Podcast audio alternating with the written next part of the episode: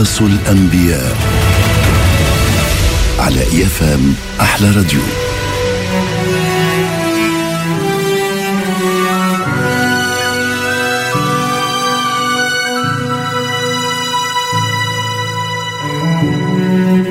قصة اليوم هي قصة يوسف عليه السلام.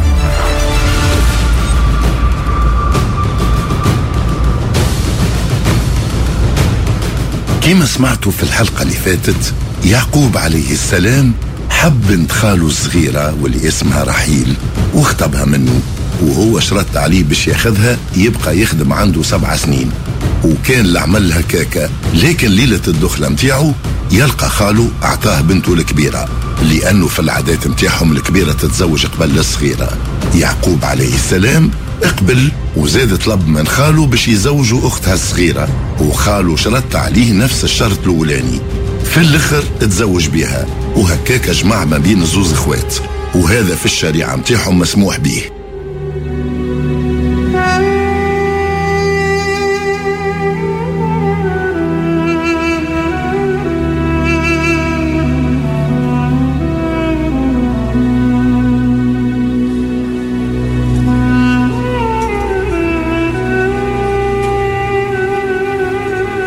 فيها الطور هذا وبعد 14 سنة اللي عداهم يعقوب يخدم عند خاله زاد بقى بحذاه في حران في بلاد الشام ست سنين أخرين. وهكا يكون العدد متاع السنوات اللي عداهم هما 20 سنة. اخدم فيهم كما يقولوا بقلب ورب وربي يبارك له في رزقه أغدق عليه المال الوفير. وفي الفترة هذه زادة ربي سبحانه ناب عليه بالذرية ست أولاد ذكورة والكلهم من زوجته الأولانية يعني الأخت الكبرى واللي اسمها ليا. وأسماء أولاده هذم الكل هما شمعون لاوي روبيل يهوذا وإسخار وزيلو. هذم بكلهم أولاد سيدنا يعقوب عليه السلام وزوجته ليا الطفلة الكبيرة. لكن زوجته رحيل ما جابت له حتى صغير.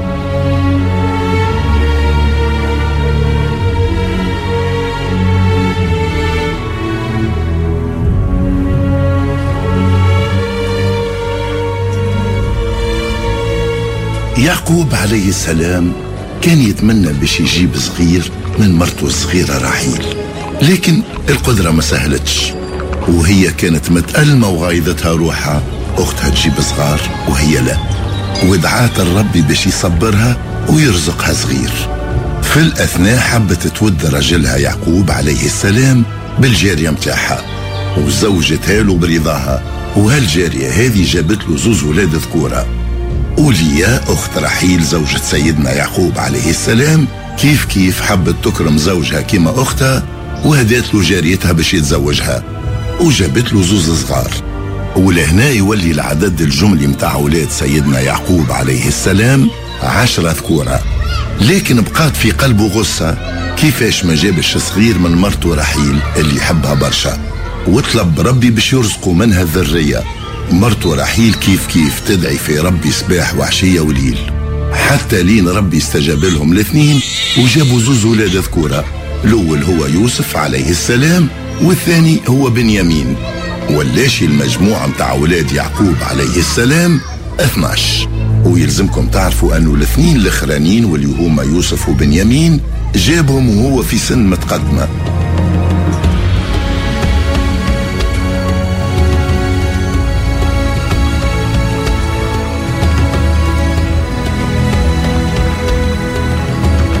سيدنا يعقوب عليه السلام بعد ما قضى عشرين سنة في بلدة حران في الشام وصار في بحبوحة متاع عيش وكثر ماله وكثرة الذرية متاعه قرر باش يروح لأهله بعد أبوه إسحاق عليه السلام. معناها في أرض كنعان فلسطين. القدس مازالت ما تبنتش. وهذاك هو اللي صار. هز زوجاته وصغيراته ومشى. وبعد ما استقر بحدا والده إسحاق عليه السلام أوحى له ربي في نهار من نهارات أنه يبني بيت المقدس في المكان اللي شاف فيها كالرؤية هذيك. ولو كانت تفكروا في الحلقة اللي فاتت يعقوب عليه السلام اكتب على كالحجرة هذيك بيت إيل معناها بيت الله. وبنى المسجد الأقصى في هكا المكان هذاك بالذات. أهل العلم والشريعة يقولوا أنه تم تسميته بالمسجد الأقصى لأنه بعيد على بيت الله الحرام. وللتذكير إبراهيم وولده إسماعيل عليهما السلام ابنوا الكعبة وحفيدهم يعقوب عليه السلام ابناء المسجد الأقصى. وهالمسجد هذا باش يجدد البنيان متاعه بعد أعوام كثيرة سليمان عليه السلام واللي هو من ذرية متاع يعقوب.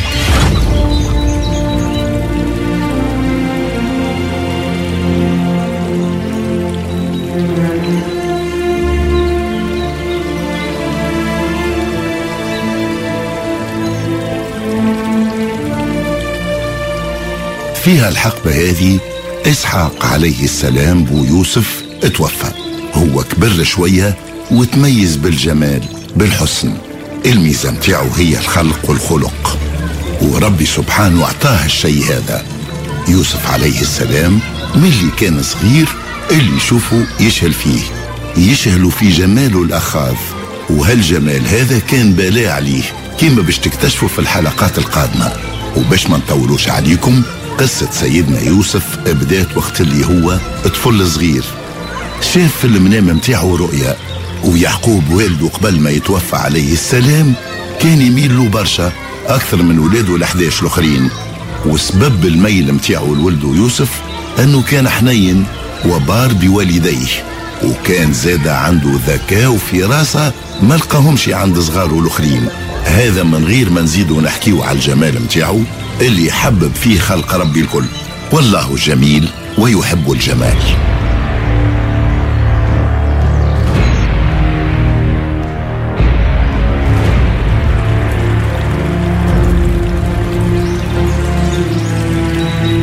كما سبق قلنا لكم سيدنا يوسف وهو صغير شاف رؤية في المنام وكي قام من النوم مشى حكاها لبوه سيدنا يعقوب. والحوار اللي صار بيناتهم ذكروا ربي سبحانه في سورة يوسف. بسم الله الرحمن الرحيم. إذ قال يوسف لأبيه يا أبت إني رأيت أحد عشر كوكبا والشمس والقمر رأيتهم لي ساجدين. صدق الله العظيم.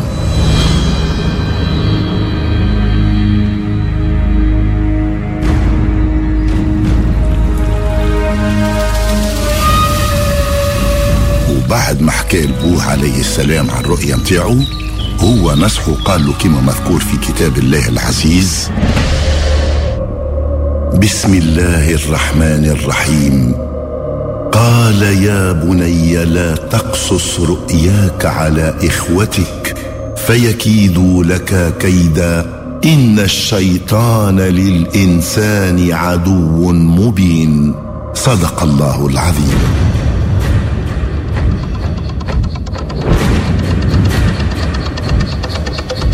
لهنا أكيد راكم فهمتوا وهذا واضح في الآيات البينات من القرآن الحكيم أنه البو يحذر في ولده من الغيرة متاع أخوته لأنه كان يرى ويشوف ويسمع في التصرفات متاعهم مع يوسف عليه السلام وخاصة ولاده العشرة الكبار ما عدا بنيامين خو يوسف اللي هما من فرد كرش فرد أم. البقية كانوا يعاملوا فيه معاملة سيئة والسبب في هذا هو الغيرة والحسد. لأنه بوهم زاد كان مدلو برشا. وهذاك علاش حذروا باش ما يحكي لهمش هالرؤية اللي شافها في منامه. يوسف عليه السلام اسمع كلام بوه وما حكى لهمش بالكل. وبما أنه والده نبي لاحظ عليه علامات النبوة. وهذاك علاش حذروا باش ما يقول لحتى حد من أخوته.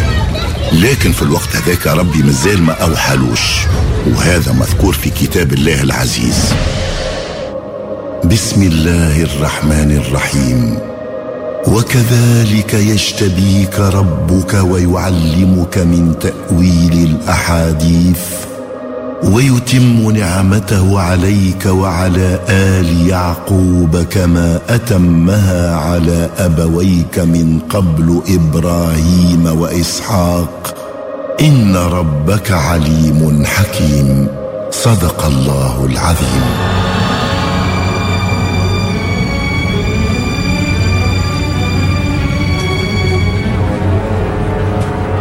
لهنا أكيد راكم فهمتوا أنه من المزايا اللي أعطاها ربي ليوسف عليه السلام هي تأويل الأحاديث يعني تفسير الرؤيا كما باش تكتشفوا في الأحداث اللاحقة.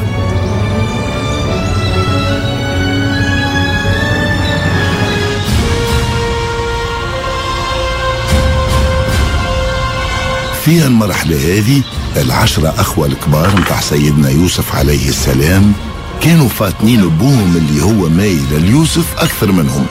وهذا واضح في كتاب الله العزيز. بسم الله الرحمن الرحيم. إذ قالوا ليوسف وأخوه أحب إلى أبينا منا ونحن عصبة. إن أبانا لفي ضلال مبين. صدق الله العظيم.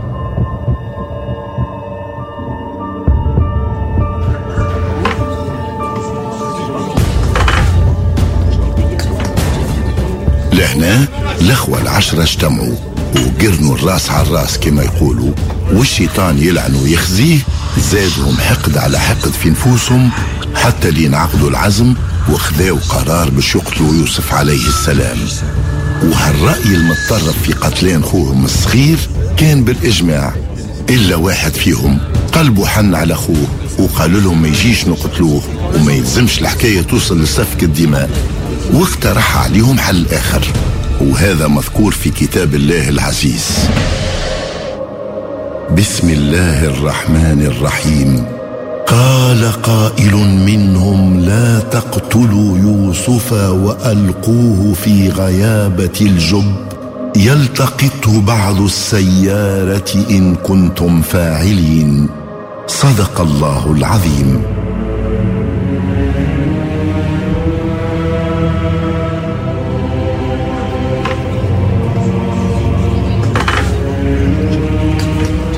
هالآيات البينات واضحة أن واحد منهم قلبه رق وحن وما حبش الأمور توصل للقتل واقترح عليهم باش يرميوا يوسف في البير وأكيد باش تتعدى قافلة من غادي ويجيوا باش يردوا الماء ويكتشفوا يوسف ويخرجوه ويهزوه معاهم وهكاك يرتاحوا منه من غير سفك دماء ويفضى لهم القلب متاع بوهم ويستفردوا بمحبته. ولهنا يلزمكم تعرفوا أنه العشرة أخوة متاع سيدنا يوسف الكبار مستانسين كل فترة يخرجوا للبرية يستمتعوا بالوقت متاعهم ويتفرهدوا. وبطبيعة الحال كانوا ديما يترصدوا في الفرصة اللي باش يتفاضاو بيوسف عليه السلام.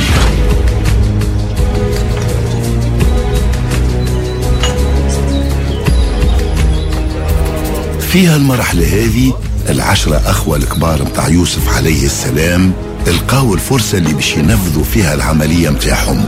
قالوا لبوهم يعقوب عليه السلام كما مذكور في كتاب الله العزيز بسم الله الرحمن الرحيم. قالوا يا أبانا ما لك لا تأمنا على يوسف وإنا له لناصحون. أرسله معنا غدا يرتع ويلعب وإنا له لحافظون. صدق الله العظيم.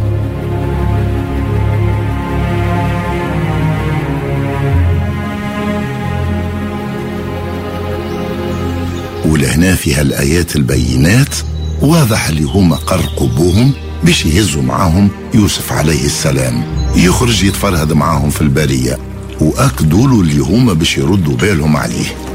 يعقوب عليه السلام قلبه كان خبيره وما قال له خير من جهة ولاده الكبار لكن ما نجمش يرفض لهم الطلب هذا مالو إلا أخوهم. وإذا كان باش يقولوا لهم لا يوسف ما يمشيش معاكم على خاطرني نخاف عليه منكم الموقف نتاعو باش يزيد يكبر الحقد في قلوبهم وهما يزيدوا كره قساوة على أخوهم يوسف. يعقوب عليه السلام لقى روحه في موقف صعيب ومحرج. والإجابة متاعه كما مذكورة في كتاب الله العزيز. بسم الله الرحمن الرحيم. قال إني ليحزنني أن تذهبوا به وأخاف أن يأكله الذئب وأنتم عنه غافلون. صدق الله العظيم.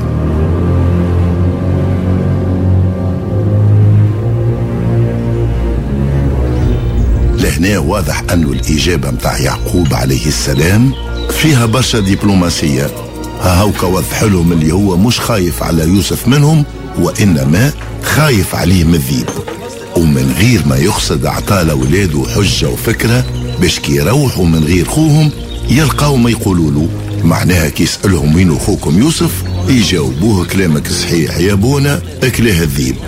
الفكرة هذه ما جاتش على بالهم بالكل.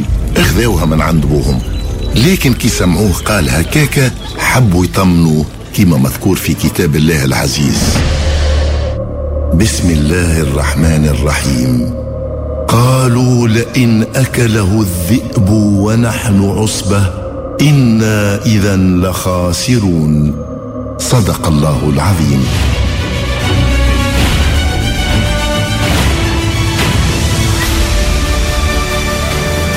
لهنا نقول لكم إلى اللقاء وبقية الأحداث متاع قصة سيدنا يوسف.